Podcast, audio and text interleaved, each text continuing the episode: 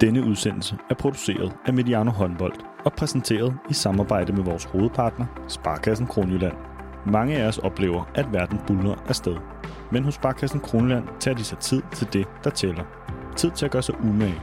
Det forsøger vi også på Mediano Håndbold. Sammen med Sparkassen Kronjylland tror vi på, at tiden vi investerer gør forskellen. Rigtig god fornøjelse.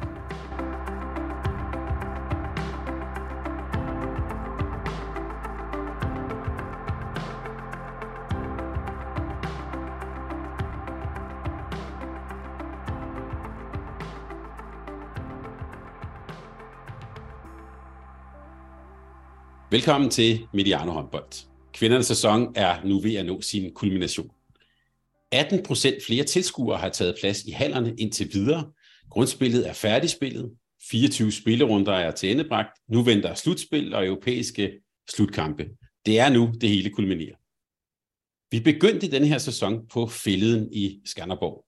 I dag sidder vi lidt mere spredt. Nu skal vi gøre status, før det for alvor går løs med slutspillet. Med os er vores fortsatte drømmedue, når det kommer til kvindehåndbold. Da vi optog optag til sæsonen i Skanderborg, kunne vi ikke blive enige om, hvem af jer, der var Batman, og hvem der var Robin, så vi enedes bare om at kalde jer Martin og Kasper. Og det er jer to, der skal være med os i dag. Martin Albersen, landstræner i Schweiz. Velkommen, Martin. Tusind tak, Thomas. Du og det svejsiske landshold står over for en spændende VM-kvalifikationsrunde, eller to kampe den 8. april og 11. april mod Tjekkiet. Hvordan, hvordan, hvordan ser du det opgør? Jeg går ud fra, at du allerede nu er meget langt inde i forberedelsen. Ja, altså vi har selvfølgelig set Tjekkiet i Golden League, både mod Danmark og Norge og Holland. Få lidt med i, hvordan de har fået ny træner i, i Bendal, og hvordan har de så lyst til at spille lige i øjeblikket. De har jo en, en verdensstjerne i Rapkova, som vi også kommer til at se i den danske liga næste sæson Nikast. Og øhm, hun var også, vi har spillet mod øh, Tjekkiet nogle gange efterhånden, og, og hun har altid været selvfølgelig den fremstående spiller på, på det hold, det mandskab, og altså sådan kvalmæssigt, øh, sidst vi møder dem, øh, ryger vi ud ved, at, at øh, vi spiller uafgjort øh, i Tjekkiet, og så taber vi hjem. Og så har vi senest været overspil øh, i Tjep i en træningsturnering mod dem, og, og vundet derovre.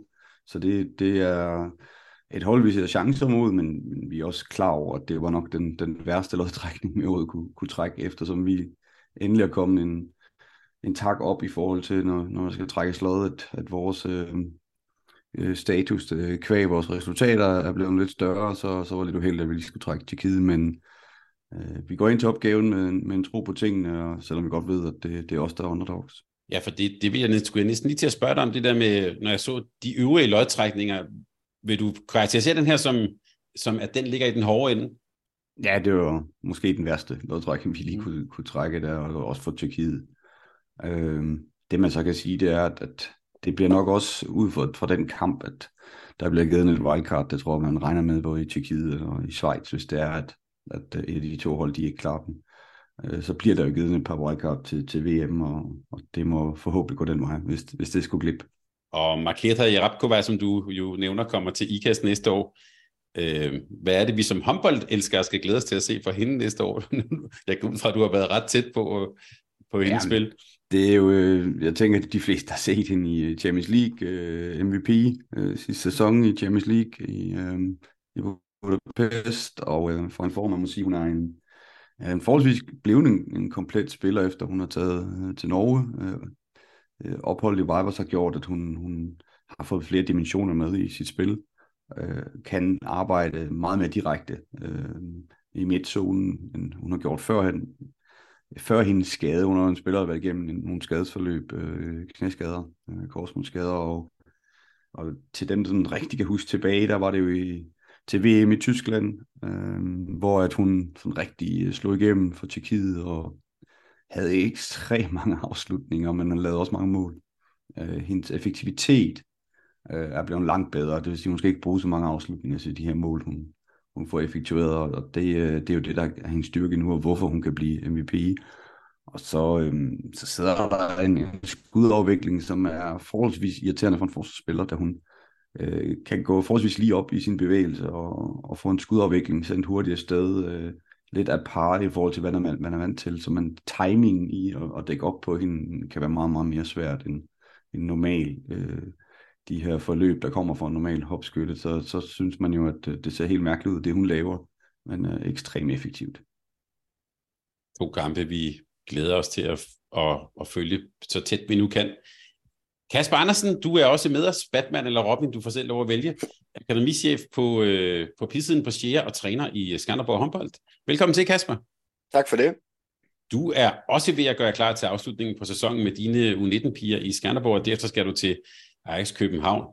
Øh, jeg har prøvet at sætte mig lidt ind i øh, vejen til sådan et DM-slutspil øh, på ungdomssiden nu. Kan du, kan du gøre, bare lige på 30 sekunder lige redegøre for, hvordan man kvalificerer sig til et DM? Ja, det er jo blevet lavet om i år, øh, sådan at øh, etterne i, i alle puljer, alle ligapuljerne, både i U19 og U17, de, de kommer direkte med, og i U19 der er det så sådan, at, øh, at i Vestligaen, der møder øh, nummer to mod øh, nummer fire i, øh, ude hjemme, og dobbeltopgør om en plads, og øh, nummer tre i U19-ligaen her i Vest skal møde nummer to øh, i U19-ligaen på Sjælland om, øh, om en plads. Øh, I U17, der, der bliver der afholdt et helt kvalstævne i Valbyhallen, øh, med otte hold, og jeg skal komme efter dig. Så øh, som om vi ikke spiller øh, kampe nok på øh, meget, meget kort tid, så får vi lige hakket et par kampe mere ind i, øh, i en sæson, der er, af en eller anden årsag allerede skal slutte 23. april. Så, så det er bare super. Så det er bare super, sagde du, sarkastisk, men altså. Men, øh, men en hektisk periode også for, for ja, ja, han har sagt, de unge spillere der. Ja, men altså, i U19 på sin vis er det, synes jeg egentlig, at tanken omkring det her med, at at have lidt flere kampe, hvor, hvor der virkelig er noget på spil, og øh, hvor man måske er nervøs, øh, når man vågner om morgenen, og, og så videre. Egentlig er en rigtig fin øvelse i, at øh, jeg tror, at når mange af de unge de kommer op i ligaen, så, øh, så vil de nok også opleve en masse kampe, hvor de er nervøse og så videre. Så på den måde synes jeg egentlig, det er fint, at, at de sådan har stiftet bekendtskab med, med, med det her med at, at have, have vigtige kampe, hvor, øh, hvor, øh, hvor man er nervøs og så videre op til. Øh, det, det synes jeg sådan set er fint. Det er mere det her med, at kampene de skal proppes ind øh, i et i forvejen øh, helt umuligt øh, kampprogram. Det er lidt ærgerligt, men, men egentlig tanken omkring det her med at, at skabe lidt flere kampe med nede på spil øh, i de ældste øh, ungdomsårgange, synes jeg egentlig er rigtig fint. Og vi kan sige til lytterne, de kan selv slå efter, men øh, vi kan i hvert fald sige, at dit hold kommer også ud i nogle afgørende kampe på den ene eller den anden måde her, så alt muligt held og lykke til, til dig holdet der. Tak. Vi skal tale om øh, slutspillet, vi skal tale om kvindernes liga, vi skal tale om op- og nedspil og så videre, så videre. Men jeg tænker, det er fint lige at slå tonen fast sådan helt fra, øh, fra start her. Nemlig øh, øh, vil jeg simpelthen spørge, om I stadigvæk holder fast i jeres favoritter til at løbe med DM-guldet. Martin, du har hele vejen igennem været på Odense. Er du stadigvæk på det, og hvorfor? Ja, jeg springer ikke fra, fra mit bud fra starten, så det synes jeg heller ikke, det, det er spændende mere, hvis vi sådan kan sappe lidt rundt efter, hvordan det lige går i en periode. Vi, vi skal kigge over hele sæsonen, og, og jeg tror på, at øh, Odense kan lave et mirakel igen og, og slå store favoritterne Esbjerg i pinden, fordi at, at det, vil være en, det vil være et lille mirakel, hvis de kan gøre det igen det ser du lige uddybe. Mirakel, altså man kan sige, det er dobbelte danske mestre, Champions League-hold. Øh, øh, hvorfor ja, ja, du det et mirakel? Jeg ser det jo sådan, at, at Esbjerg har i de sidste tre sæsoner prøvet at, at både købe ind til og, ja, og ligesom maksimere på, på truppen og optimere på truppen, øh, sådan at, at de skulle kunne få det her øh, DM, og, og jeg synes, Odense har, har snydt dem. Altså til dem, der kan huske tilbage de sidste øh, tre øh, sæsoner her i Mediano, så har det også været... Øh, Esbjerg, som fra de fleste, jeg kan ikke huske, om det er Kasper, der har sagt det hver år, men altså, at, øh, at uh, Esbjerg, de, de vil gå hen og vinde, og øhm, ja, der, der, der har jeg holdt på, på Odense, og jeg, jeg holder ved min hest. Det, det skal du have ros for. Og Kasper, du er, gætter jeg på, fortsat på Esbjerg. Jeg kan i hvert fald se dit smil, da du hørte Martin fortælle om Odense. Som det ser ud lige nu, så synes jeg godt nok, de ser stærke ud, Esbjerg. Øhm, så, øh, så jeg tror, de går ind og, og, og kommer til at være meget, meget svære at have med at gøre, både i Champions League og, og i den danske liga i afslutningen på sæsonen her. Du har jo flaget både sidste år og faktisk jo også i år det her med, at de muligvis øh, mangler en fløjspiller i år. Er det så en, en, øh, en, en venstrefløj? Ser du stadig det som deres, hvad kan man sige, akilleshæl? Øh, der mangler i hvert fald bredde på venstrefløj. Øh, det, det er der jo ingen tvivl om, øh, fordi de mangler Sanna Solberg. Jeg synes egentlig, at, øh, at øh, base af den tyrkiske venstrefløj. Jeg synes faktisk, hun er kommet ret godt efter det nu her, hvor, hvor hun sådan på helt automatisk har, har fået en større rolle. Øh, så er jeg ikke sikker på, at, øh, at det sådan for alvor bliver øh, afgørende i, i år. Ej, men jeg må også sige, i forhold til, til Kaspers øh, udmelding omkring Esbjerg, selvfølgelig er det de, de store favoritter. Og, og vores sidste udsendelse, Thomas var jo inde på, at, at det var da, måske det bedste køb, Esbjerg har gjort i, i de tre år, det er at få Anne Christensen til, som vi også har set. Jeg ved godt, at det, det til at starte på er lidt op og ned for en, en nytilkommende ung målvogter, men man må sige, at jeg har set hende i nogle kampe, hvor man, man, man tør sætte sin lid til, at det er hende, der skal gøre, at, at de både i Champions League og i den hjemlige liga ligesom skal gå, gå hele vejen. Øh, det, der kan være udfordring, det er, at, at om de kan samle sig om begge dele. Øhm, jeg tror på dem mere i Champions League, end jeg tror på dem i hjemlige. Ja, jeg er enig i, jeg synes også, det var noget af det, vi snakkede om i sommer, at, at det, der måske kunne blive en udfordring for Esbjerg, var om Rikke Poulsen, så når en hel sæson var stærk nok øh, til, til at, at de kunne vinde begge dele. Så jeg er helt enig. Jeg, jeg synes også, at de står med en noget stærkere keeper du nu, end de gjorde i sommer, da, da sæsonen startede. Godt nok noget yngre, men, øh, men Anna Christensen har et helt hjernet topniveau.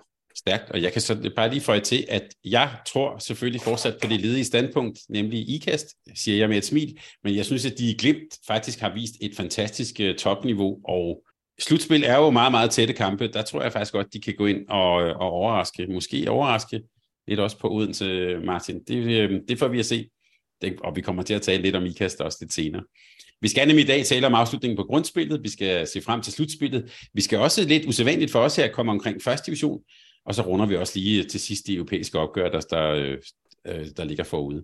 Alt det her, det kan lade sig gøre på grund af vores gode og tætte samarbejde med Sparkassen Kroneland. På kvindesiden er det her jo et VM på hjemmebane år, så vi kan godt allerede nu love lytterne en del spændende ting hen over året sammen med Sparkassen øh, Kroneland. Men i en tid med stigende renter og stigende priser i, øh, i budgettet, så kan Sparkassen Kroneland også for dig være den partner, der giver sikkerhed i en hektisk hverdag. Er varmeregningen på vej gennem loftet, og har du overvejet, om du skal skifte din varmekilde ud med en billigere? Så tag en snak med din personlige rådgiver i Sparkassen Kronjylland, som kan hjælpe dig med at få det fulde overblik over din økonomi. Find os på sparkron.dk eller i en af vores afdelinger. Vi er tættere på, end du tror.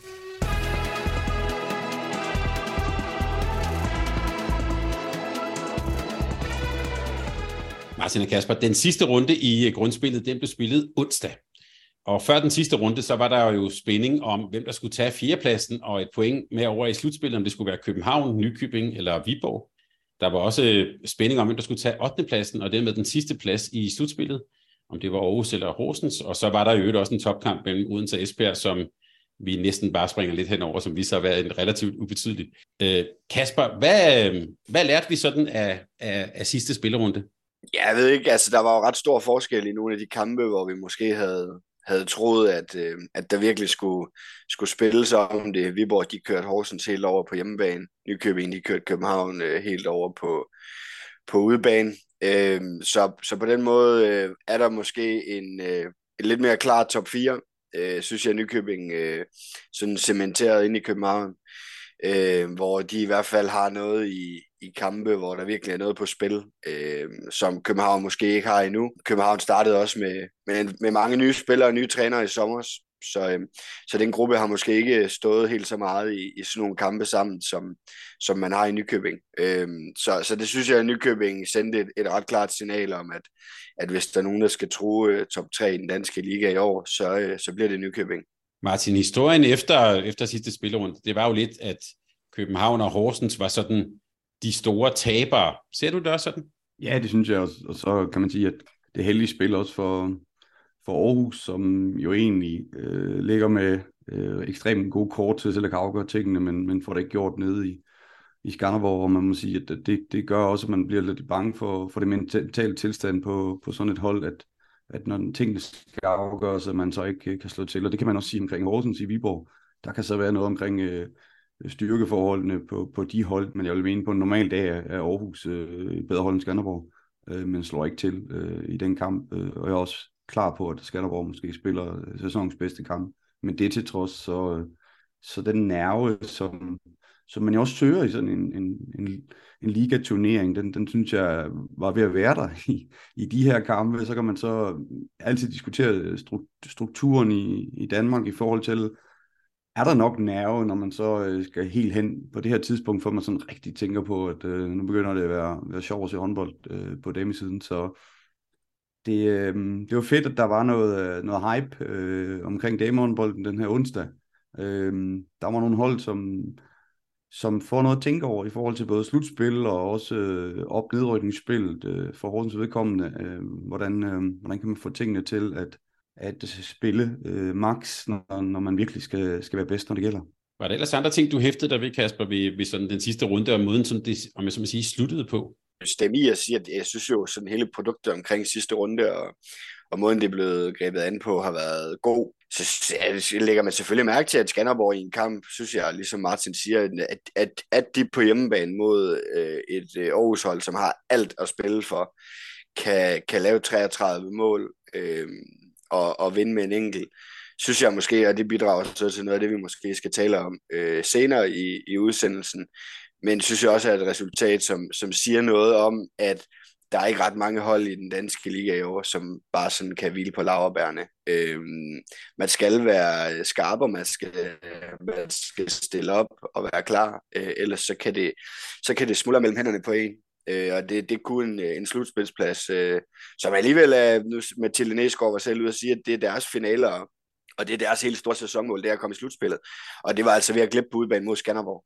Så, øhm, så og det, det tror jeg ikke, jeg skal sige så meget om nu, fordi vi, vi kommer til det senere. Øhm, men, men jeg synes i hvert fald, der er nogle ting der, som, som indikerer, at, at ligaen måske ikke øh, er helt så, øh, så sløjt kørende, som jeg synes, den bliver gjort til at være betragt det som en god teaser. Jeg var, jeg var lige på nippet til at gå til det punkt, men øh, det kan vi så sige til lytterne, det vender vi lige tilbage til, sådan lige kigge på ligaen sådan i en, en, en, en mere bred, øh, bredt perspektiv.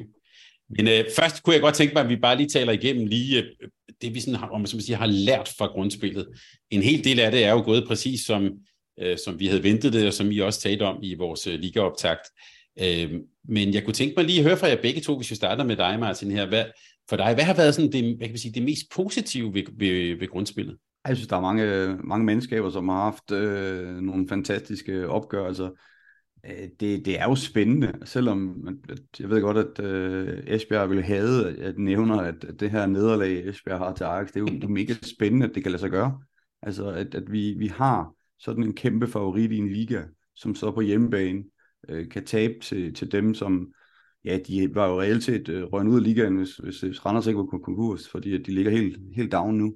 Men øh, de går så hen i Esbjerg og laver den her kæmpe overraskelse. Det synes jeg, at det, er det der charme ved, ved, ved sporten. Og så, så må man sige, at, at så er det her med, at, at får Esbjerg tingene til at spille øh, på så godt niveau, at de kan være med både i Champions League og i den hjemlige liga, og det, det har man været lidt nervøs for i, igennem sæsonen, så får de Anna kristen til, og nu tror vi på det igen, at der ligger noget af det her, som man også ser, når vi snakker øh, top øh, fodbold, de forskellige ligaer og så videre, det her med, at der er nogle små ting, som kan gøre, at, at det hele vælter over til, til, til et mandskab øh, til sidst og så videre. Der er, ikke, der er ikke noget, som er på den måde afgjort. Øh, jeg, jeg synes, og det vil jeg gerne øh, øh kunne fortælle, hvorfor, at, at, at strukturen måske kunne være endnu mere spændende, hvis man, man kørte lige ud. Men, men jeg ved godt, at det, det handler om, om tv, og det handler om, at endeproduktet skal være mega spændende til sidst og så videre. Men det er, for mig har det været lidt at kigge på sådan lidt en træningsturnering, og så lige pludselig, så, så skal vi lige sørge for at komme i det her slutspil, og, og, og slå til til, til allersidst. Øhm, og der kan man sige, at det, det kan man jo ikke, øh, når man, når man ser på et Horsens mandskab, som har været fyldt med skader og så videre, så kunne de alligevel til sidst måske have været i slutspillet. Øh, det blev afgjort til, til aller, aller sidst, øh, selv med, med sådan en præstation, som de har haft den her, den her sæson, som, som ikke har været god. Der var der alligevel muligt. Øh, der er et Viborg-mandskab, som fra nogen side var, var kørt lidt øh, ud af slutspillet, øh, inden sæsonen gik i gang. Øh, jeg, jeg mener, at vi sad i Skanderborg, øh, os tre, og sagde, at, at det, de skulle nok klare den. Øh, og det gjorde de også øh, med bravur øh, selv med et forholdsvis udsalg. Vi har nævnt Henrik Christensen øh, og flere har man så lidt ud af i løbet af sæsonen, og det, øh, det har alligevel gjort, at, at øh, tingene har været øh, kittet godt sammen. Og når vi skal til at snakke om, om slutspil, så tror jeg også, det får en indvirkning der med, at man, at man måske er ved sidste udløbsdato, det er der et par klubber også, der, der er ved at være med Silkeborg og Viborg i forhold til, at, at de skal have nogle nye starter. Og øh, er det nu, de så skal virkelig øh, slå til med bravur med, med, med det her øh, slutspil, hvor de, de måske har sidste chance med, med de mandskaber, de har lige nu osv. Der, der kan være noget mental indflydelse, men, men der er nogle, nogle hold der i Nykøbing, som, som sådan kigger på det individuelle, så er der jo ikke sådan noget, der blopper helt op. Øh, der er en lille venstrefløj, der render rundt, og gør det fremragende, men ellers er det jo den, virkelig en holdpræstation, der gør, at de ligger og har fået den her øh, femteplads, øh, eller fjerdeplads, undskyld, og leverer en pragtpræstation i København, apropos bedst, når det gælder. Det må man sige, det var, det var Nykøbing, og de kommer altså øh, fra noget europæisk øh, opgør, hvor de i har lavet et fremragende resultat og står til, og og kunne gå, øh, når vi skal snakke om det senere, kunne gå videre øh, mod Valsea, som også en, en, en rigtig god, øh, et godt hold, som, som er fremad af stormen også. Så der er mange sådan små, jeg synes, øh, virkelig spændende ting, der var i løbet af sæsonen. Desværre øh, et Randers-mandskab, som gik konkurs. Der var øh, et, et Silkeborg-mandskab, som var tæt på, fik reddet sig osv. Det er også nogle historier, som, som, som sideløbende med det sportslige selvfølgelig har haft indvirkning på, på tingene, at økonomien ikke ligesom har været øh, til stede. Og så øh, jeg slutter af med at sige, at, at øh, hatten er igen for Jesper Holmeri. Jeg mødte ham herude på vejen øh, forleden dag, og han var vældig glad. Og det var han fordi, og er han fordi, at, at de igen, øh, som vi var lidt spændt på, kan man i sæson 2 øh, igen præstere på det niveau, man gjorde i sæson 1, efter man rykkede op, som var vanvittigt flot for Ringkøbings side. Og de ligger altså med 15 point. Øh, meget, meget flot øh, resultat øh, fra Ringkøbing. Jeg skulle ikke sige 15 point. Det var måske mere, end hvad vi havde forventet, da vi, øh, da vi startede ud. Kasper, du får også lige lov at give et bud på det, sådan, øh, øh, noget som har været sådan en positiv indtryk øh, for dig ved grundspillet.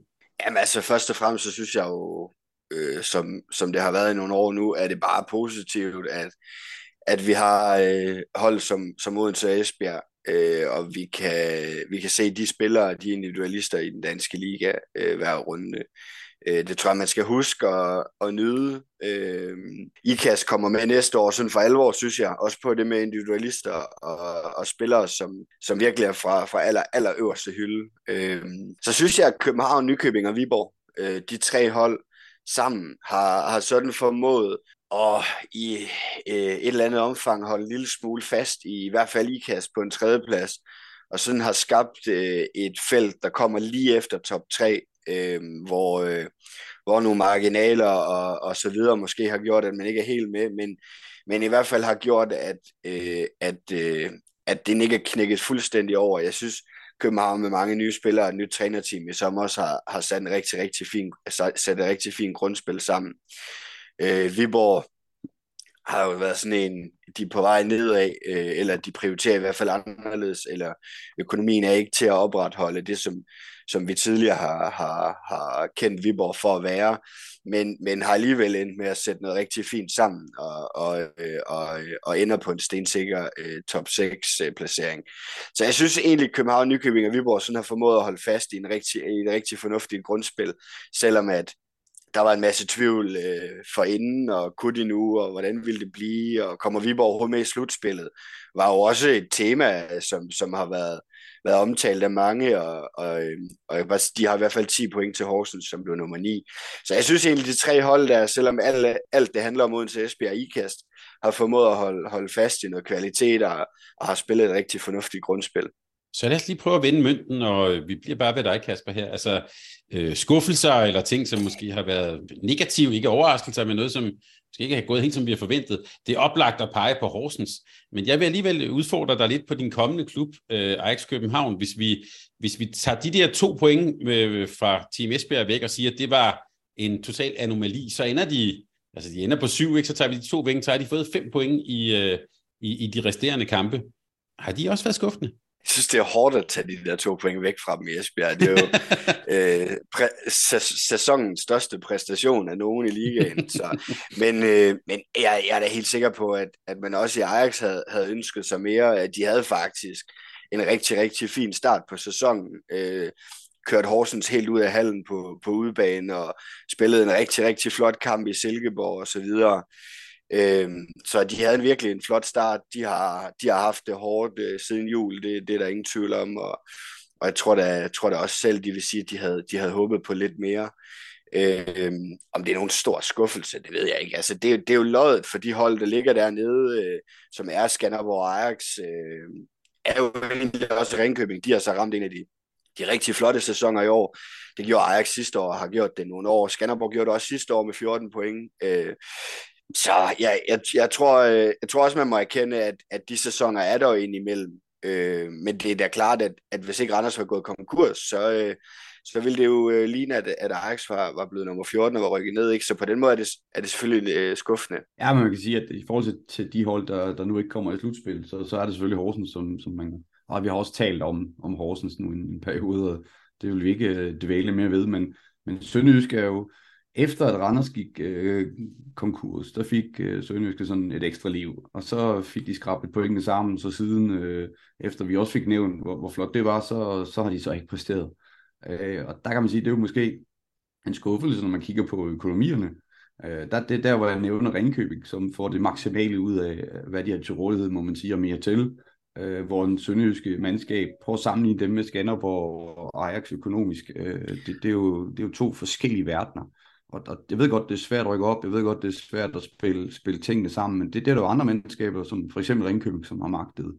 Og der må man forvente sig til næste sæson, at, at Sønderjyske, de, øh, de både øh, leverer fra start og, og igennem øh, grundspillet, og, og så må man have dem som et bud til, til dem, der skal være nogle af første udfordrende til, til den her top 8.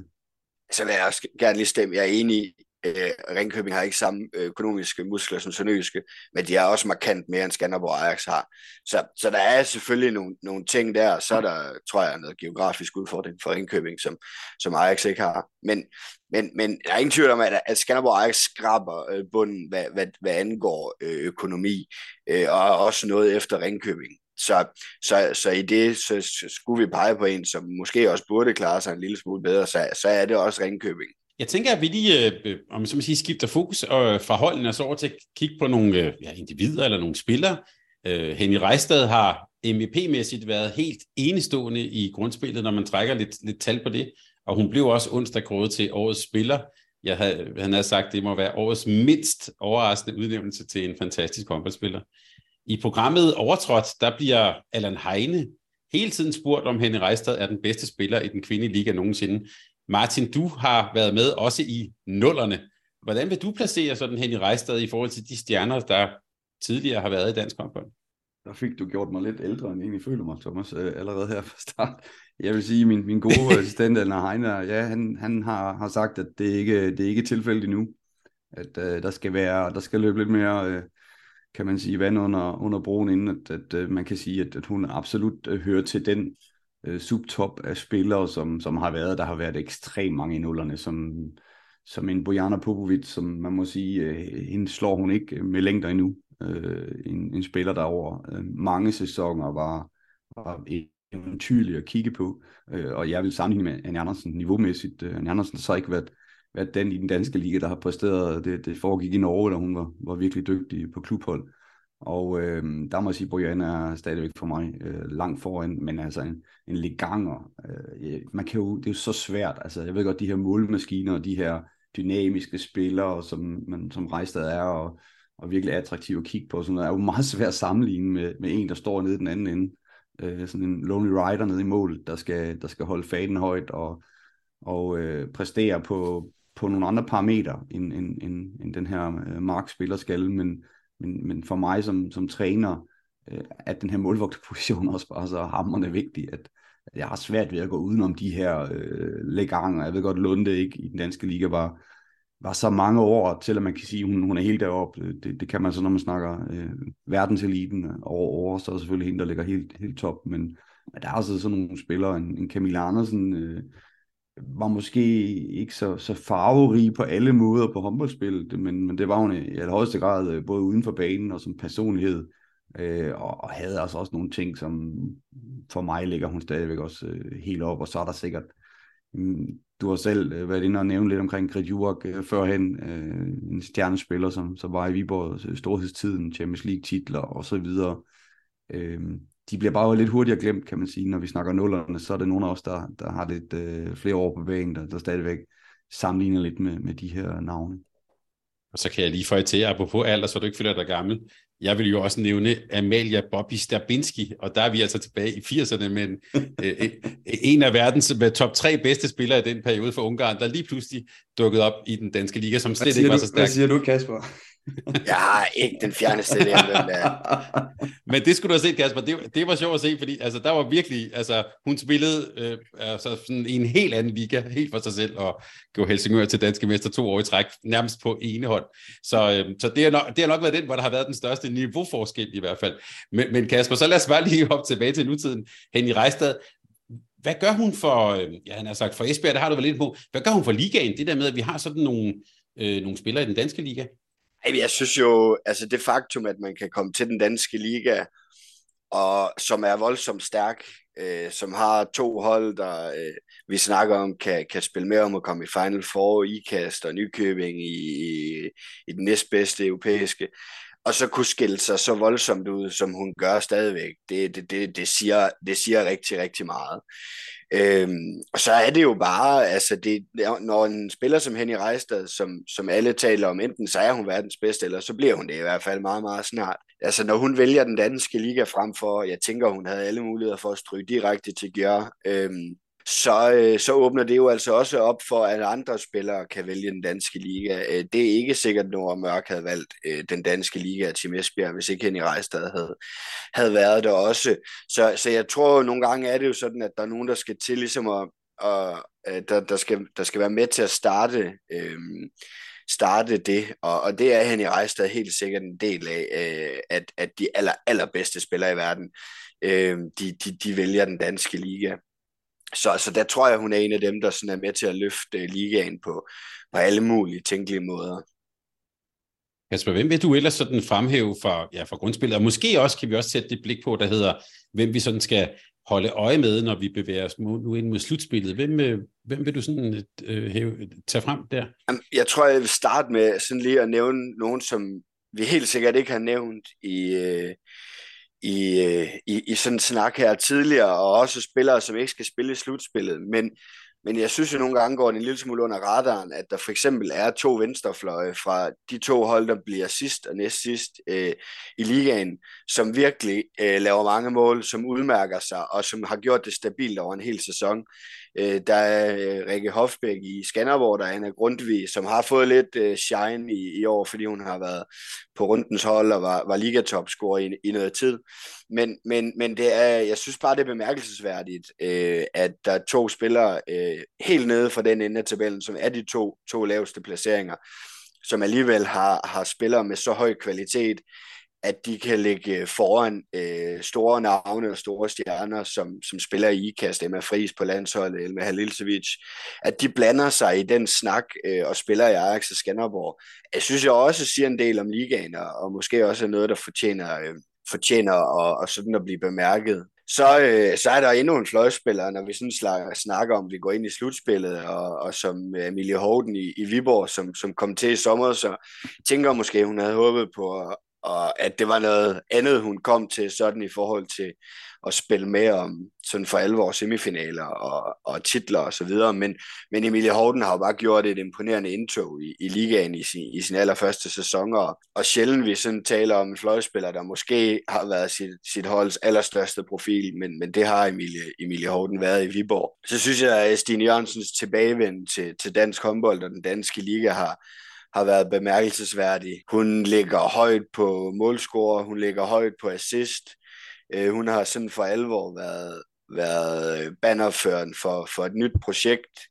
Jeg synes ofte, de har nye projekter i København, men, men det her er i hvert fald også et nyt projekt med mange nye spillere og nye trænere. Det har Stine Jørgensen virkelig, øh, virkelig været en af dem, der har gået ind og taget takstokken og, og været en stor del af, at, at København i sidste spillerunde spillede med om at få point med, med ind i slutspilspuljerne. Så, så hun har virkelig også, øh, hun er virkelig vendt tilbage meget, meget stærkt.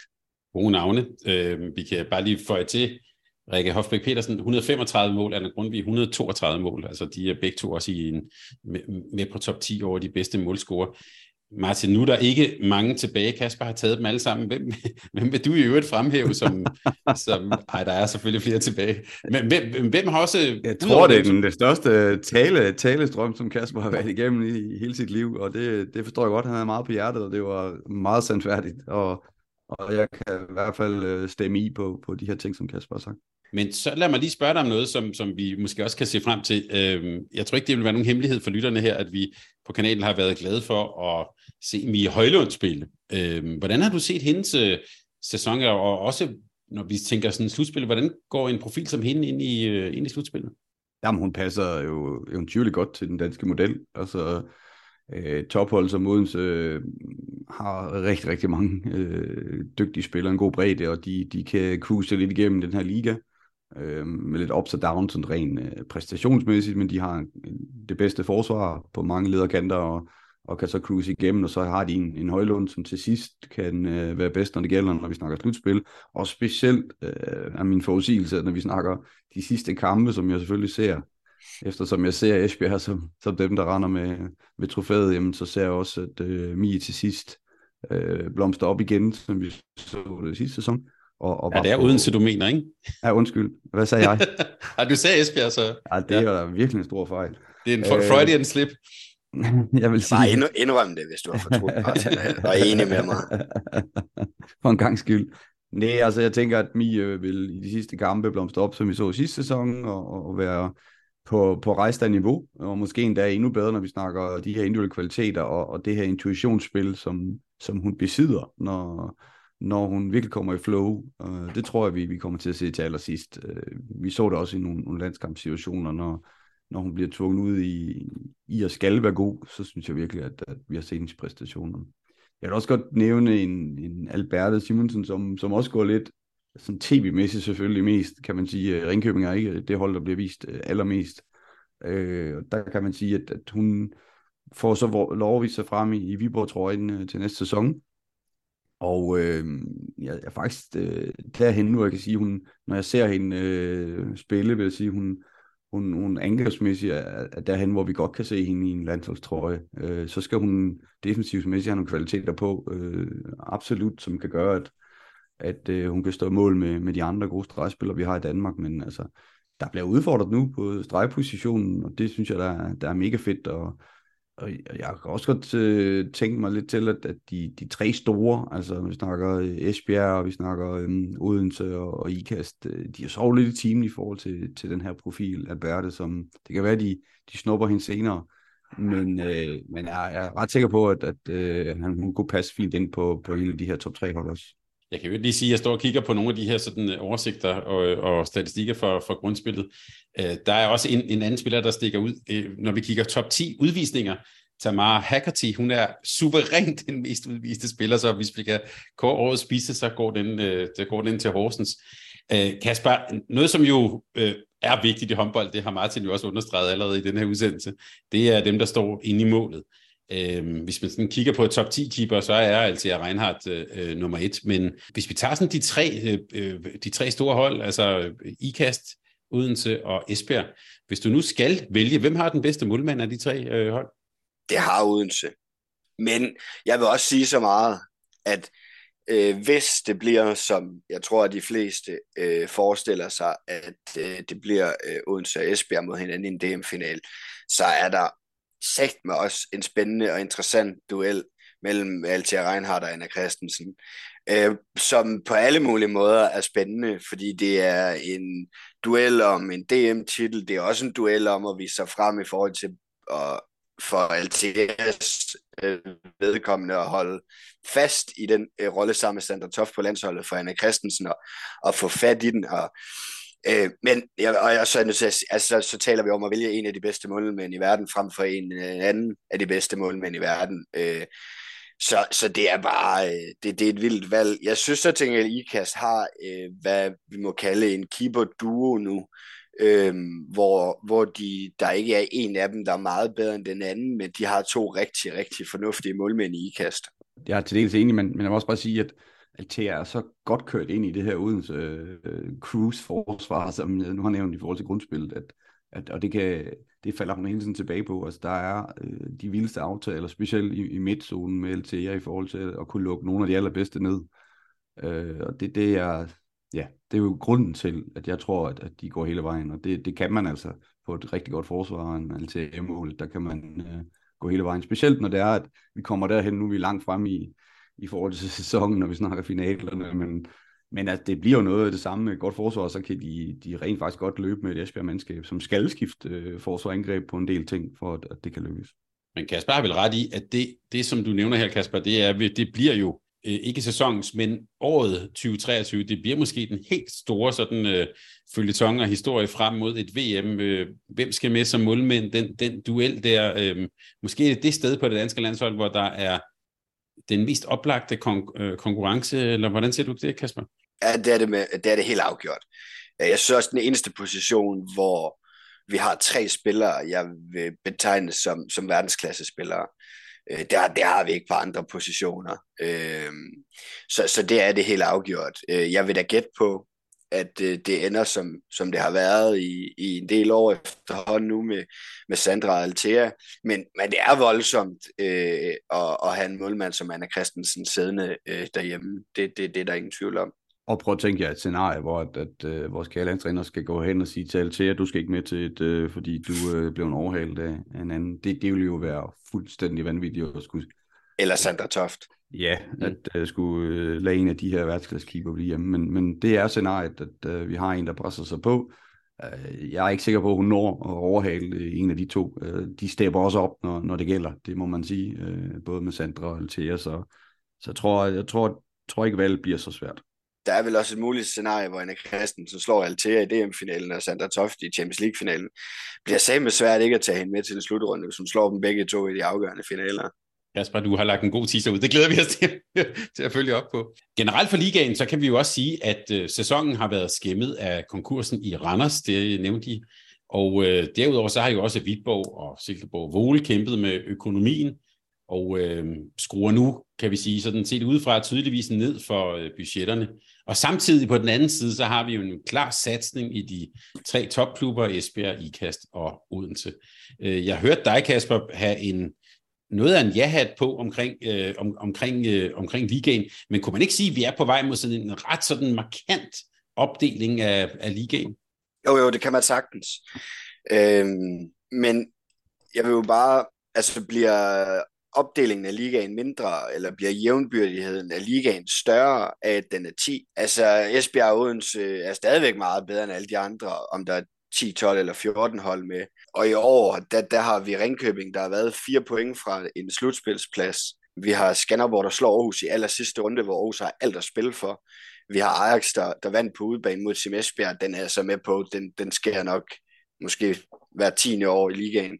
Men, men jeg er bare ikke sikker på, at altså, hvis det der ligesom er, er temaet eller formålet med det, det er, at, at ligaen skal være mere jævnbyrdig. Det, det bliver den ikke af at skære den ned. Altså, det, det, der er en opdeling i den danske liga, det er der, fordi at Odense og Esbjerg, de har budgetter på 15 millioner, og IKAST har budget, der må også må nærme sig, øh, ikke det måske, men, men i hvert fald noget mere end dem, der så kommer derefter. Øh, så, så, så jævnbyrdigheden eller opdelingen af ligaen bliver ikke mindre markant af, at man tager to hold ud af den. Det gør egentlig bare måske, at der er to hold i bunden, så er der nogen i midten, og så er der nogen i toppen. Altså, så, så, hvis, hvis folk gerne vil have en mega jævnbyrdig liga, øh, så, så, så er det jo ikke i Danmark, de får fordi der er nogen, der er meget bedre end de andre. Og, og ja, jeg giver Kasper helt ret. Øh, det, man, det, det jeg så har synspunkt, det er, at, der er to, der er to øh, ting i det der, det kommercielle, øh, og, og der vil enhver marketingsmand sige, jamen, jo, jo, jo færre hold, jo, jo nemmere er det at sælge øh, produktet i forhold til, til tv og så videre. Øh, i forhold til sportsligt, der, der synes jeg, at vi har også i nullerne, hvis vi skal gå helt tilbage, vi har prøvet alle mulige forskellige modeller af, og man må bare sige, at, at jo, jo færre hold, jo, jo mindre talentudvikling foregår der. Og det, det vil jeg stadigvæk gerne lægge hovedet på bloggen omkring, at øh, vi skal ikke have færre hold. Øh, vi, skal, vi skal have de danske spillere med i den danske liga, og det får vi ved, at, at der er så mange hold, der kan byde sig til. Øh, hvis man vil have mere jævnbyrdighed, og man vil have en mere spændende sæson, så er man i min verden nødt til at kigge øh, til Tyskland på, på herresiden, blandt andet, hvordan at holdene på skift ligger og skal duellere om og, og, og være blandt de 4-5 bedste. Øh, det, det vil man måske ikke kunne få fra starten af øh, ved en på den danske dameliga, men man vil kunne få øh, langt mere drive i forhold til de her parametre, der ligger med Champions League i løbet af sæsonen. Man ligger med hjemlig turnering, man har Europa League øh, og forskellige ting, og, og så vil en, en, en nederlag til Ajax eller hvad der nu kunne være i løbet af sæsonen, være øh, fatal for de her mandskaber, som man ser det med Flensborg, eller, eller hvem der nu laver en, en bummer i sæsonen, så er det fatalt, og det, det kan man ikke stå imod med, så man er nødt til at prioritere den hjemmeliga, og produktet bliver bedre, det vil jeg gerne garantere i løbet af hele sæsonen.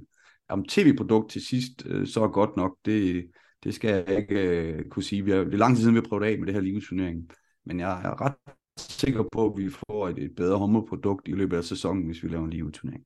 Øh, noget af det her, øh, som, som jeg i hvert fald hører, øh, er, er en stor del af årsagen til, at der bliver talt om at skære ned på ligaen igen, det er, at øh, Esbjerg og Odense øh, og IKAS, de har for mange kampe.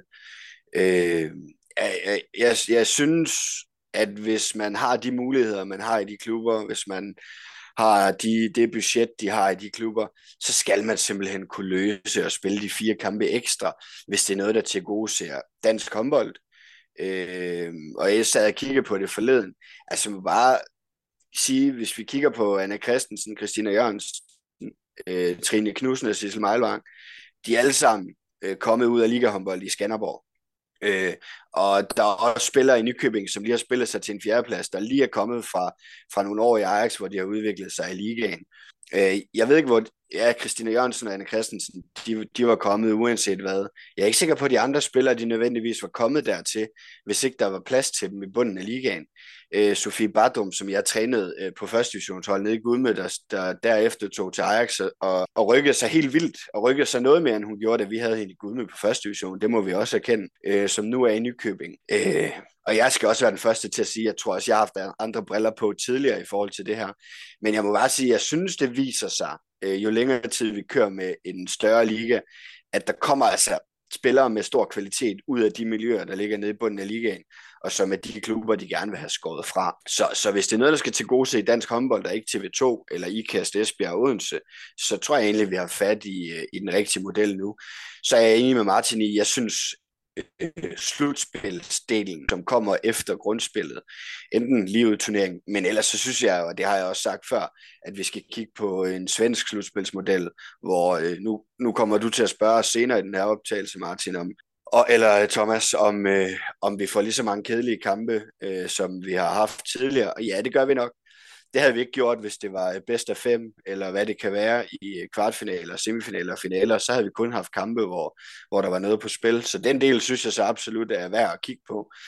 Men, men, øh, men størrelsen på ligaen, den synes jeg, man skal holde fast i. Også fordi, da man udvidede ligaen, der tæppe bumpede man også første division. Den, den er øh, på et niveau nu, som, som jeg synes er langt fra det, der var inden øh, ligaen, og det, det kommer til at tage lang tid, hvis, hvis, hvis niveauet og kvaliteten i den række skal, skal bygges op igen til, hvad det måske har været engang. Mit spørgsmål var faktisk ikke, om, om ligaen skulle skæres til, men den, den gik I ret hurtigt på. Mit ledende spørgsmål var jo også det her med, at der, var, der er nogle klubber, der skruer op for økonomien, og måske nogen, der skruer lidt ned. Ser vi også, at de her tre sådan, topklubber, Esbjerg, IKAST og Odense, kommer til at stikke, og man så sige, endnu mere af i de kommende år? Det, det er jeg ret sikker på, altså, fordi økonomierne i de tre klubber bliver så store nu, øh, at, at de kommer til at stikke af, men der kommer Nykøbing øh, satser jo voldsomt øh, på at, at udvide i forhold til med arena, og de vil også op og, og, og bide skære med de her, den her, øh, øh, de her tre hold, der ligger og, og stikker af økonomisk, så, så der, de bliver vidt mere hælende øh, af, af Nykøbing, end vi måske har set andre klubber her inden for de sidste sæsoner. Og vi har også talt om, øh, Thomas, nu i en, en stykke tid, at der var Odense, så var der Esbjerg.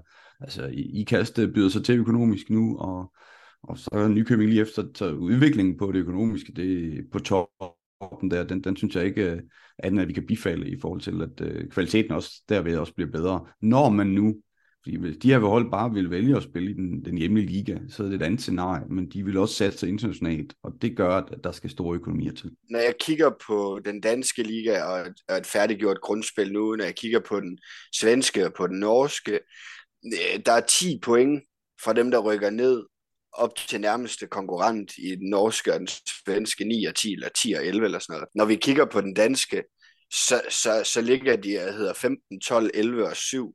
Så jeg, jeg synes, der er jo ikke, det er jo ikke sådan, at der er et, at hold, der slet ikke er en del af den række. Øh, dem, der bliver øh, sidst med 7, de slog øh, dem, vi, vi tror bliver danske mestre. Igen, Skanderborg i sidste runde med Aarhus. Så det er jo ikke sådan, at der er hold, der, der overhovedet ikke er deltagende i ligaen. Jeg synes jo, alle holdene på dagen har, har chancer, så kan det godt være, at, at det er en ud af 50 gange, at, at de to-tre nederste har en chance mod de to-tre øverste.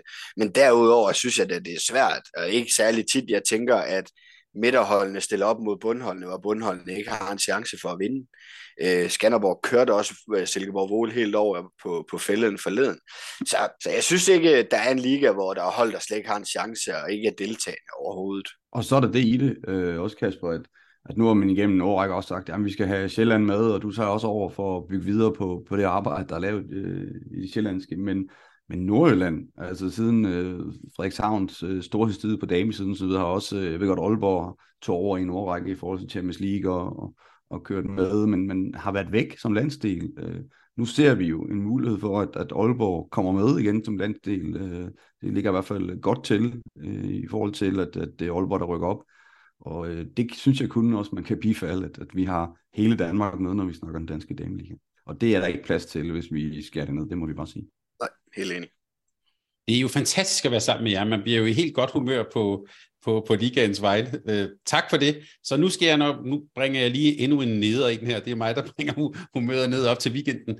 Nemlig slutspillet, fordi Kasper, jeg har det jo lidt ligesom dig. Ikke? Sidste år så vi nogle ganske kedsommelige slutspilskampe, og så kan vi så sige bagefter, så eksploderede det så i semifinaler og finaler. Det var jo meget, meget seværdigt.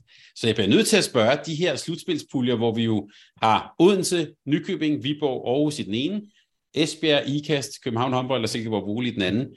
Altså, helt ærligt, bliver det ikke bare bliver det kedeligt igen inden semifinalerne, Kasper? Ja, det tror jeg desværre, det gør. Jeg vil også sige, at der er også nogle, øh, der er også nogle øh, vilkår. Altså Viborg, de kommer til at skulle spille slutspil med to 19 målmænd nu. Og, og Ida, som, som de har hentet til her hen over julen fra, fra GOG, øh, som, som er jo 18 landsholdsmålmand, hun er en meget, meget dygtig og talentfuld målmand. Ja, det er, det er nogle voldsomme konkurrencevilkår for Viborg at gå ind i det øh, på med, med, med to ungdomsmålmænd. Øh, Aarhus anser jeg ikke, øh, de, de nogle gange så driller de jo på dagen, men anser dem ikke som en trussel til Odense og Nykøbing i forhold til en, til en semifinalplads. Og det er den pulje, hvor man måske kan sige, at der, der, der var lidt måske åbent omkring, hvem kommer med sammen med Odense. Det, det synes jeg overhovedet ikke er åbent. Det, det er jeg helt overbevist om, at det gør Nykøbing. I den anden, der, der, der bliver der... Øh, jeg, jeg ved ikke, hvordan skadessituationen i Silkeborg ser ud, når de går ind til slutspillet, men, men det Silkeborg-hold, jeg så forleden på, øh, på fælleden i Skanderborg, spil mod Skanderborg, de har intet at gøre i, i en slutspilspulje. Øh, der sidder en meget, meget dygtig bagkæde øh, om bag ved bænken. Øh, Sofie Bæk kan jeg forstå, hun kommer slet ikke tilbage til Rasmussen. Hun når det heller ikke. Jeg ved ikke med Helena Kindberg. Så, så de kommer også øh, meget, meget skræntende ind til, til slutspillet. Så er der København, som jeg synes igen øh, har gjort en rigtig god figur i år i grundspillet. Fået en ordentligt ind over snuden i sidste runde her af, af Nykøbing, og, og skal måske også lige samle sig selv op, øh, inden de så går ind til en slutspilspulje, hvor Esbjerg og IKAST er kæmpe favoritter. Og, øh, så, så jeg må sige, øh, for mig er der ikke meget, der indikerer, at der skulle øh, blive super meget spænding jeg skal ikke kunne sige, om IKAS kan skabe lidt spænding om, øh, det bliver dem eller Esbjerg, der bliver et eller to, men en meget spænding om, hvilke fire hold, der går i semifinalerne, det har jeg godt nok svært ved at finde. Kan du se det, Martin? Altså, jeg håber øh, for turneringens øh, skyld, at, at det bliver øh, Esbjerg, der bliver etter, og det er Odense, der bliver etter i den anden pulje, så, så er der Ragnarok, øh, og så kan det godt være, at, at du øh, Thomas alligevel får ret, øh, og det, det kan du selvfølgelig håbe på. Så ryger din favorit allerede i semifinalen, Martin. Det tror jeg heller ikke, men I forhold til, i forhold til det, Kasper siger, så er det selvfølgelig sådan, der er de her, altså både Odense og, og Nykøbing er store favoritter i pulje 1, og pulje 2 er det Esbjerg og IKAST. Øh, jeg er ikke så sikker på, at, at Ida ikke kan klare. Øh, jeg har også set hende både på, på ungdomslandsholdet og også i Viborg, i, også i seneste kamp, øh, stå på meget, meget højt niveau. Og det er ikke så mange kampe, og hun er ung og uerfaren, men, men altså, hun tænker måske ikke så meget over, hvad der lige kommer til at ske, så hun, hun har jo intet at tabe.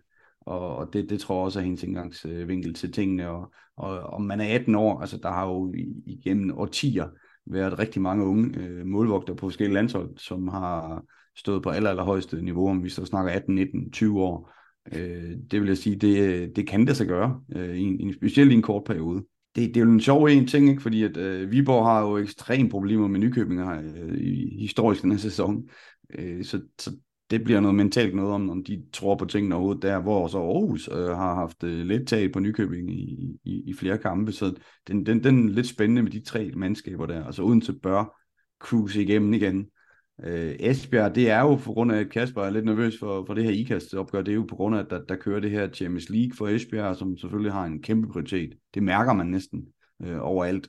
Men IKAST har også øh, deres Europa League, som de, som de kører på med, og, og, og også gerne vil vinde. Øh, Øhm, København, øh, det er spændende, om de kan komme op igen efter for dem en, en meget, meget, meget øh, trist kamp mod, mod Nykøbing, som, hvor der var så meget på spil.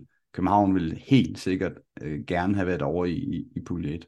Vi forudser noget, der måske bliver knap så spændende, og så ender det sikkert med at eksplodere fuldstændig, og, øh, og vi får nogle øh, helt uforudsigelige semifinaler og sådan noget. Lad os, øh, lad os måske krydse fingre for det. Øh, men ellers så ligner det selvfølgelig nogle semifinaler, der kunne hedde øh, uden ikast, og måske øh, Esbjerg med Nykøbing, og så ser vi frem til øh, finalen mellem, ja, de bliver så ikast, ikke? Så vi får se øh, øh, spændende opgør forude.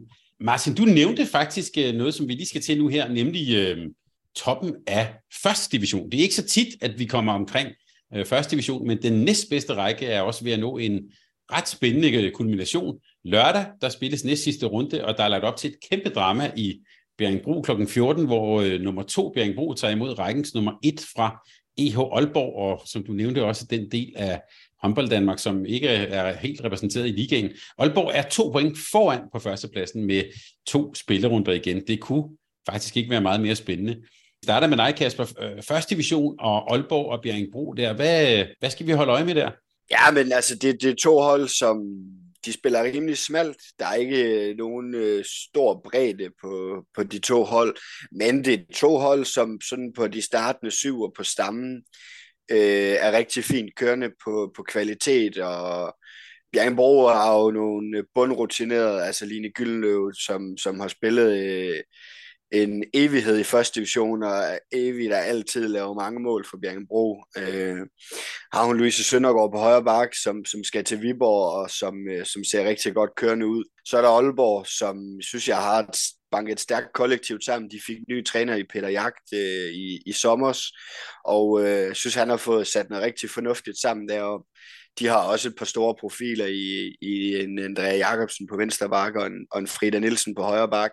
Frida er en, en lokal øh, Aalborg-pige. Så, så det, bliver, øh, det, bliver, det bliver en stor kamp på lørdag. Øh, Aalborg vandt med to øh, mål på hjemmebane. Øh, i, øh, jeg så faktisk den kamp øh, fra Aalborg her forleden, øh, og det, det var øh, en kamp, hvor Aalborg hele tiden lå i, i førersædet, og egentlig også havde nogle, nogle perioder, hvor de var foran med 5 og 6, men Bjergenbro der hele tiden holdt sig inde i det. Og det, øh, det, det, øh, det, det har jo gjort, at, at kampen på lørdag virkelig bliver, øh, bliver spændende. Øh, og så ligger der Holstebro, som øh, kommer lige efter. Altså de tre hold har jo henholdsvis sat 2, 4 og 6 point til, så, øh, og udmærker sig med at være 11 point foran nummer 4, så der er jo også en helt klar top, top 3 i første division i år. Øh, uanset, så, så bliver det spændende. Jeg tror, øh, at Aalborg øh, vinder på lørdag og, og rykker op. Jeg synes, de har set det ret øh, solid ud øh, hele sæsonen i første division. Jeg tror også på, at, øh, at de tager den direkte oprykning. Jeg kan helt ærligt også være en lille smule i tvivl om, Bjergbro ønsker at rykke op i ligaen. Øh, men, øh, og det gør Aalborg i hvert fald, det skal man ikke, det skal man ikke tage fejl af. Øh, og Aalborg, som allerede har øh, præsenteret en, en meget, meget dygtig målmand i, i Elin, der, der står nede i Ringkøbing, som, øh, som nu skal tilbage til Aalborg og stå der. Så de er også allerede begyndt at forberede en trup, som, som de selvfølgelig håber på skal, skal spille i ligaen næste. Øh, I fodboldens verden taler man om sådan en uh, top 16. Her kan vi også sige, at i håndboldens verden har vi måske en, en top 17, de 14 ligahold, og så har vi tre hold her, som jo der er i kun 13 har... ligahold, så det passer med en top 16. Ja, okay, godt. Ja, det er rigtigt. Anders, de spiller anden division. Men ellers vil der være 14 i, øh, ellers vil der være 14 i, i, øh, i, øh, i, i ligaen. Så det er i hvert fald også en meget klart skilt sig ud, at der er de, de her tre tophold. Uh, hvis jeg lige spørger dig, Martin, her, altså vi tæller Aalborg, Bjergbro, øh, Holstebro. Jeg hørte dig sige, du ser gerne, at det øh, er, er måske Aalborg og den del af Danmark, der kommer op. Hvem har bedst mulighed for sådan at klare sig i ligaen, tror du? Jamen, det, det synes jeg er svært. Alle tre hold der vil kunne klare sig øh, lige, lige, lige lidt, synes jeg, når jeg ser på, på kvaliteten. Altså, man skal vide, der er et kæmpe spring. Øh, Sønderjysk kan komme op med et rigtig godt budget, og, og derfor kan de, kan de være med, og, og har bygget det op over rigtig lang tid. Aalborg har også forsøgt, øh, blandt andet med min assistent Allan Heine, at, at bygge, bygge tingene op, så Peter kom til, og, og, og nu lykkes det de får det svært, øh, uanset øh, om de hiver en, en ekstra keeper til eller ej, så, så, er, der, så er der, et, der er et stykke op. Øh, det, det skal man vide. Øh, også på de ting, der, der er, øh, når man kigger på, på kvaliteten i spillet, det, det synes jeg er, er meget ansynligt. Øh, jeg havde måske også lidt håbet, at, at Holstebro gik ned og, og, og fik etableret sig som en, en, en kæmpe favorit i, i første division i forhold til, til der skete, øh, også kvæg økonomien i sidste sæson. Øh, øh, og de har haft det kæmpe ungdomsarbejde i Holstebro, som, som man håbede på kunne, kunne blomstre i, i den her næstbedste række. Øh, Bro har været dem her, som, som har ligget og, og, og drillet øh, topholden i, i, øh, i, i første division i en, i en overrække, og, og vi har nævnt Line og Company, og det, øh, det ved jeg ikke, om de har lyst til at rykke op. Øh, de har i hvert fald lyst til at drille, det er helt sikkert, og de, de spiller også en, en hammerende god øh, kamp her i sidste, sidste uge, og øh, er helt klar til at skulle drille Aalborg på bedste vis. Så det, det bliver en seværdig kamp, spændingsmæssigt. Øh, øh for alle burde man tog ud og se sådan en, en, en kamp, som er, er årets kamp i første division det der jo kan også er en, en, en meget, meget stor udfordring for Bjergenbro, tror jeg, hvis, hvis skulle de rykke op. Altså for det første, så Louise Søndergaard er jo præsenteret i Viborg, og det er altså meget, meget smalt i Bjergenbro. Øh, der, er, der skal findes ret mange spillere, hvis man skal kunne klare en hel sæson i ligaen. Øh, startsyveren er stærk, øh, men, men der mangler noget, hvor jeg synes, at Aalborg er foran, også er foran Holstebro, på at de har en større gruppe af spillere, øh, som, som jeg tror kan, kan gå med ind i ligaen næste år. Øh, jeg, jeg, vi snakkede jo om det sidste år, det her med Holstebro, da de rykkede ned. Hvordan ville det egentlig, hvad ville der nu ske i Holstebro? Vil de komme op med det samme igen? Øh, der, der tror jeg, vi må sige, at, øh, at det har vist sig at være sådan, at, at, øh, at et par af de øh, piger, som er født i årgang 2003 og reelt stadigvæk er øh, ungdomsspillere, har været de klart bedste i Holstebro i år og der tror jeg måske, man havde håbet på at få lidt mere fra, fra nogle af dem, som, som ikke er helt så unge. Øh, det har man ikke fået, og det har hængt rigtig meget på en Mathilde Troelsen og en Thea Hein, og, som, som stadigvæk er, er ungdomsspillere, og, og de har gjort det godt, men det har ikke været helt godt nok til at kunne hamle op med, med den rutine, som der er i Bjergbro, og den kvalitet, jeg synes Aalborg har haft i år. Der, der har det alligevel været lige, lige øh, smalt nok, øh, og, og, og lidt under, hvad der var behov for i, i Holstebro i år. Så spændende opgør forud, og hvis vi nu så bare antager, at øh, Aalborg øh, tager førstepladsen, så har vi øh, Bjerringbro og Holstebro, som så skal op og kæmpe mod nogen fra, øh, øh, fra ligaen. Traditionelt en svær, svær opgave. Hvordan, øh, Martin, hvordan, hvordan ser du deres chancer for at kunne i sådan en kvalifikationsspil øh, måske tage en ekstra plads? Altså normalvis, som jeg, som jeg lige sagde, der er kæmpe forskel. Øh, det, det, der kan være i det år, det er, at jeg tipper det faktisk lidt til, at det bliver Ajax, som skal ud og spille mod de her hold. og synes ikke, de, de er ret godt kørende lige nu. Øh, der kan godt have, øh, der kan gå noget, noget gummiarm i, i alting. Så, så på den lederkant, tror jeg, at chancen i år er meget større, end vi har set den nogensinde. Øh, sådan lige, når jeg, når jeg lige i dag skal, skal slå en streg.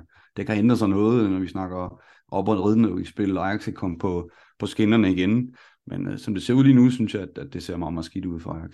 Så der også i den ende af top 16-17, Kasper, kan der være, kan der være øh, øh, spænding forude. Her til sidst, så synes jeg lige, vi skal bevæge os op i, i de, om man så må sige, øvre luftlag igen, ovenikøbet i de europæiske luftlag. Jeg vil godt lige have, at vi lige sætter lidt ord på European League, og også til sidst på øh, Champions League, og det vil sige, at vi taler om IKAS og Nykøbing, og øh, Odense og Esbjerg igen. Øh, I European League, der er der jo returopgør i den her weekend. IKAST, tør jeg godt sige, smadret Sivfok nede ved Balasonsøen med hele 10 mål, og Nykøbing slap jo fra Valsea i Rumænien med et nederlag på, øh, på tre mål.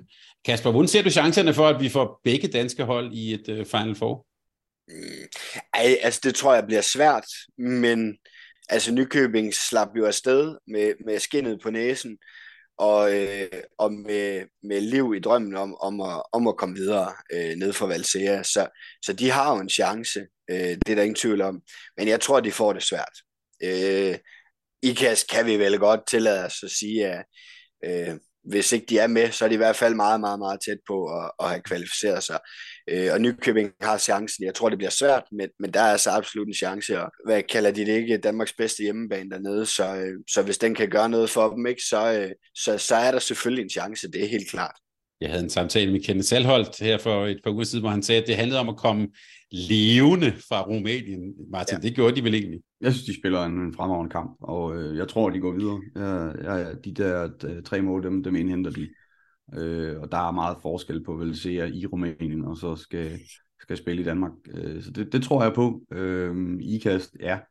Øh, jeg er meget overrasket over den her øh, Dortmund-Narn-kamp. Øh, det, det, det forvirrer mig lidt, at der skal være så stor forskel, også fordi vi har selvfølgelig set Narn igennem sæsonen, også øh, op og ned, men, men deres topniveau burde ikke være til, til så stor en, en, en sejr over, over Dortmund. Øh, der, der, der får de øh, det svært, øh, tyskerne, der, der bliver det navnet, øh, tænker jeg, der, der, der går videre, og så har vi en, en meget, meget åben kamp, øh, men, men øh, der er også noget erfaring på, på det her tyske mandskab i, i Thüringen, et, et, et gammelt Champions League-hold, øh, Herbert Müller, som, som man siger, er en lille trænerfuks nede i, i, i det tyske. Jeg tænker godt, han, øh, han kan få tingene til at, at spille plus, så, så de også øh, går videre, og så, så har vi en, en, en spændende Final Four til sidst.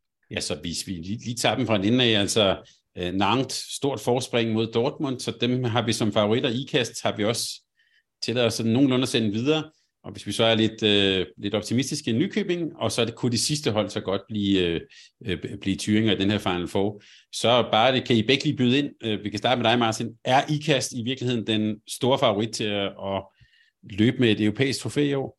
Ja, det synes jeg. De, øh, de var meget, meget tæt på i sidste sæson. Øh, men, men Bidikaren viste sig at være for, for stor en, en mundfuld øh, i den sæson. Øh, de er ikke med i den her øh, runde, og, og IKAST i forhold til de mandskaber, der er listet op her til sidst, så, øh, så, så er de i, i mine øjne øh, store favoritterne. Ser du det også sådan, Kasper? Ja, det er jeg meget enig i. Jeg synes, Sigas har noget, noget kvalitet og nogle topspillere, som, øh, som skiller sig en lille smule ud i, i det selskab der. Så vil jeg sige, at hvis Nykøbing kan komme med, så ser det ud som om vi har tre danske cheftrænere ud af fire i, i et Final Four-spil i, i European League. Det, det, er også øh, det, det er meget stærkt. Jamen, så er det altså øh, venders mod det, så er den fineste europæiske turnering, nemlig øh, Champions League. Der er man også i gang med de afgørende kampe øh, frem mod et Final Four, Øh, og de to danske hold står godt. Odense håndbold hentede en sejr på otte mål ude mod øh, Storhammer. Kasper, øh, vores venner fra Odense her, otte mål Storhammer. Du kender jo også norsk håndbold rigtig, rigtig godt. Var det, en, øh, var det et Odense-hold på toppen der, eller hvordan så du den kamp?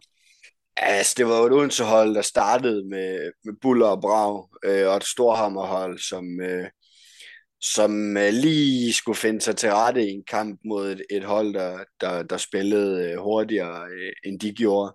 Øh, så jeg synes, det var et Odense-hold i, i den sidste del af kampen på, på lidt øh, cruise control. Jeg synes, der var stor forskel på de to hold. Af, oplevelsen var ikke, at Storhammer sådan på noget tidspunkt sådan ydede helt reel modstand mod Odense. Så, øh, så, så det bliver også en returkamp, hvor, hvor Odense de, de klarer sig stille og roligt øh, igen. Det, det er der slet ingen tvivl om. Så der tillader vi os at sende dem lidt på vej. Men, men Martin, lad os så sige, de, øh, at den klarer de. Så står, der, så står den altså på et hold for Ungarn øh, i, øh, i, i grøn trøje, der hedder, der hedder Djør, i en kvartfinale, altså i sidste kan man sige, sidste vindue, inden, øh, inden, inden det gælder Final Four. Hvordan ser du et muligt opgør mellem Odense og ungarske Djør? Det ser jeg til at være et, et jævnbyrdigt opgør. Øh, det er klart, altså hvis vi har snakket om, at, at nu snakker vi Final Four, og man spiller jo i, i Ungarn, øh, så har Djør været store favoritter. Det er de ikke. Øh, de har før haft problemer med at skulle til Odense. Og øh, Odense har haft øh, traditionsmæssigt i de sidste øh, par sæsoner en, et, et godt tag i forhold til Djør. Øh, Odense har stadigvæk mange gear, altså vi snakker ikke bare et gear, men mange gear at, at, at lægge på, lægge på og, og, at være meget mere effektive, end de er i Storhammer-kampen. Øh, der, var, der var kæmpe forskel i min verden på de to mandskaber, og øh, han får jo øh, skiftet fuldstændig rundt, sådan at øh, hele mandskabet kommer på, på tavlen, og, og deres effektivitet er ikke, er ikke vanvittig god øh, i den kamp. De kunne have vundet meget mere øh, og scoret mange flere mål, og det, det skal selvfølgelig til, men det kommer vel også, når man spiller mod Djør, så, man, så har man antennerne helt ude, og så, og så er man effektiv, og så er man apropos øh, Højlund, som vi har snakket om før, han bedst når det gælder, det, det tænker jeg, at, øh, at hun, hun slår mere til. Abing har været god for dem, øh, og det er så også deres styrke, de har kunne skifte lidt om, hvem er der skal trække øh, tingene. Øh, Højser igennem hele sæsonen øh, været rigtig dygtig, men altså kommer Højlund også på i øh, sådan for alvor. Det er ikke sådan nogen, der er dårlige i store omgang, men kommer hun på for alvor imod Djør, øh, så har du profilerne, og vi har først snakket om Altea, altså Altea øh, har før stået brandkamp mod, mod Djør, så, så jeg, jeg har gode forhåbninger. Det er selvfølgelig 50-50, det er ude hjemme, altså det er en 50-50 i forhold til Odenses øh, videre deltagelse, men øh, det, er ikke, det er ikke den her sæson, hvor man kan sige, at ah, Djør, så har vi ingen chance. Det har de absolut.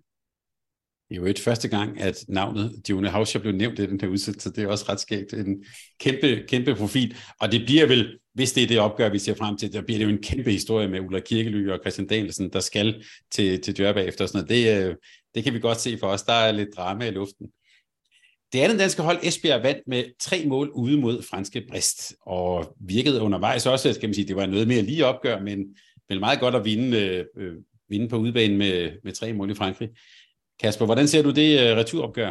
Jamen, det ser jeg egentlig også som, uh, hvor Esbjerg er, er klare favoritter. Jeg synes, at Esbjerg er på et niveau nu, hvor, hvor det er meget, meget få hold i europæisk håndbold, hvor, hvor vi ikke kalder dem uh, favoritter. Og, uh, og her mod, mod, på hjemmebane mod Brest med, med, tremåls, uh, med en tremålsejr for udebane, vil jeg også kalde dem klare favoritter til at, til at gå videre fra, fra det dobbeltopgør. Men så lad os være nogle hårde bananer, og så også vinke, vinke dem lidt videre, fordi forude for dem ville så øh, vente øh, CSM Bukaresti øh, i en, øh, en kvartfinale. for næsten også lyst til at sige Christina Neago. Hvordan ser du så et, øh, et opgør, eller man kan også sige, de chancer for at komme videre til et Final Four for Esbjerg? Jamen, gode. Altså, det, det gør jeg. En hård udebanekamp, øh, en anderledes udebanekamp, end man, end man har i, i Frankrig mod Brest. Øh, men Esbjerg har også en hjemmebane nu. Øh, de er måske lidt mere øh, sådan aggressive og voldsomme publikummet, men, men Esbjerg har også en hjemmebane, hvor, hvor Blue Water Doggen den vil være fyldt hele vejen rundt, og både oppe og nede, og, og de vil også have en vanvittig opbakning på hjemmebane i, i den kamp, og og Esbjerg spiller for spiller og kvaliteten på, på holdet slår også øh, CSM Bukaresti, så, så jeg vil også have Esbjerg som favoritter i, i det dobbeltopgør, det, det er der slet ingen tvivl om. Det er de omkring Bukaresti, at det er i den her sæson, at øh, hvis man ser øh, en fem sæsoner tilbage, hvor de har været øh, en stigende formkurve til den her sæson, at øh, der er ligesom om, der er faldet nogle ting på plads, og de spiller langt mere som et hold, og og de har også øh, styrtende kvalitet på det her mandskab, så det, det, er en, det er en sværere opgave i år, end, end det har været de sidste par sæsoner, at skulle øh, komme videre i forhold til dem. Øh, men, men jeg tror også på Esbjergs kvaliteter. Man kan sige, at den halvdel ser også sådan umiddelbart vurderet ud en, en lidt hårdere halvdel, altså der kunne vi så se frem mod måske nogle kvartfinaler, der hedder Odense mod Djør og Esbjerg mod Bukaresti. I den anden kunne det ligne kvartfinaler mellem øh, ungarske Ferencvaros, som jo slog øh, Budusnoks øh, ude. Franske Metz venter sig der. Og i den anden, der slog øh, Krim Ljubljana, de slog øh, Kim Rasmussens øh, Rapid Bukarest med, med fem mål. Der så vi en Dimitriva i, i topform, så det kunne også ligne et opgør mellem Krim Ljubljana og øh, norske Vipers der. Hvis jeg nu skal øh, bede jer om at komme med et utroligt frisk bud, vi starter med dig, Martin. Hvilke, hvilke fire hold øh, skal øh, hvad hedder det, pakke tasken og allerede nu reservere hoteller til, øh, til Final Four? At jeg tænker, de, øh, det, det ligger jo til, at vi skal have Jør med til Final Four. Det, det er sådan noget, der har været i, i, i mange år, og de har også deltaget. Øh, det, det, det klæder turneringen. Øh, det er som om, der er lagt op til, at de skal være der, og det, det tror jeg også, at det, det gør, at de kommer med.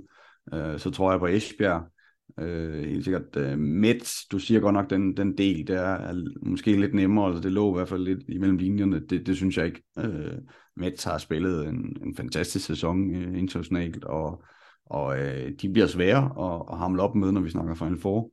Øh, absolut. Øh, rapid øh, Bukaresti, øh, det virker sådan lidt, lidt en træningskamp i den første kamp. Øh, alle, alle spillere bliver spillet ud, og der var en enorm øh, god keeper i, øh, i, hvad hedder hun, øh, den brasilianske keeper, Arnhardt øh, fra øh, Ljubljana, som, som bloppede op igen som en, en verdensklasse keeper den kamp, men effektiviteten for Rapid var også meget, meget, meget lavt. Øh, de havde alt for mange skud til deres mål. Øh, det, det får de rettet op på på hjemmekampen, og så tror jeg faktisk, de, de skal op og spille mod Christiansand, men, men både trænermæssigt i Christiansand og erfaringsmæssigt, og som bare sige, de, de, de kommer med i Final Four igen, så det bliver, det bliver Mets og Christiansand, og så Vibers, øh, Esbjerg og så Jør, tror jeg, der, der står til sidst. Enig, Kasper? Ja, det, det, det er desværre. Det havde været sjovere, hvis jeg var dybt uenig, men, øh, men det, det er jeg ikke. Godt, men så vil jeg også bare, bare lige beslutte af med at sige, at øh, sæsonen er lang, men det vi ser frem til her, det Final Four, det vil jeg sige, det gider jeg godt at se. Det bliver, det bliver meget, meget seværdigt. Og øh, det kan også godt være, at det slutspil, vi ser ind i, der kan være, at der bliver lidt, måske lidt nogle momenter med lidt faldende spændingskurve, men øh, når vi kommer forbi det, så tror jeg også, vi kan se frem til en meget, meget spændende afslutning. Er I med på at uh, tale lidt mere uh, kvindeupdate, når vi kommer lidt tættere på, og ved, er lidt klogere både på det europæiske og på uh, det danske slutspil? Yes. Absolut. Og vi har jo simpelthen, altså jeg ved ikke, vi har ikke spillet om noget, men altså er der noget med, at den der, dem, der ikke får ret, skal give noget til, til den, der så kan man sige, får den danske mester? Skal vi have noget på spil? Så synes jeg, der er nogen, der skylder noget for de, de forgangene sæsoner. Nej, det er noget nyt, vi starter på nu. det er godt.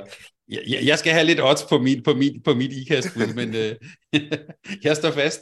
De vinder både European League og mesterskabet. Det bliver spændende. Tusind tak for, at øh, du lytter og lyttede med. Tak til Martin. Tak til Kasper. Tak til Sparkassen Kronland. Nu går det for alvor løs. Tak for en rigtig god udsendelse, og tak øh, for jeres tid i to. Det var en fornøjelse. Selv tak. Selv tak. Tak fordi du lyttede til en podcast fra Mediano Håndbold. Hvis du kunne lide udsendelsen, så husk at abonnere på Mediano Håndbold, der hvor du hører din podcast. Så får du den seneste udsendelse serveret direkte til dig. Du må gerne fortælle dine venner om os, og husk at følge os på Facebook, Twitter og Instagram. Mediano Håndbold kan lade sig gøre på grund af Sparkassen Kronjylland. De er med Mediano Håndbold og det kvindelige danske landshold. Tak fordi du lyttede med.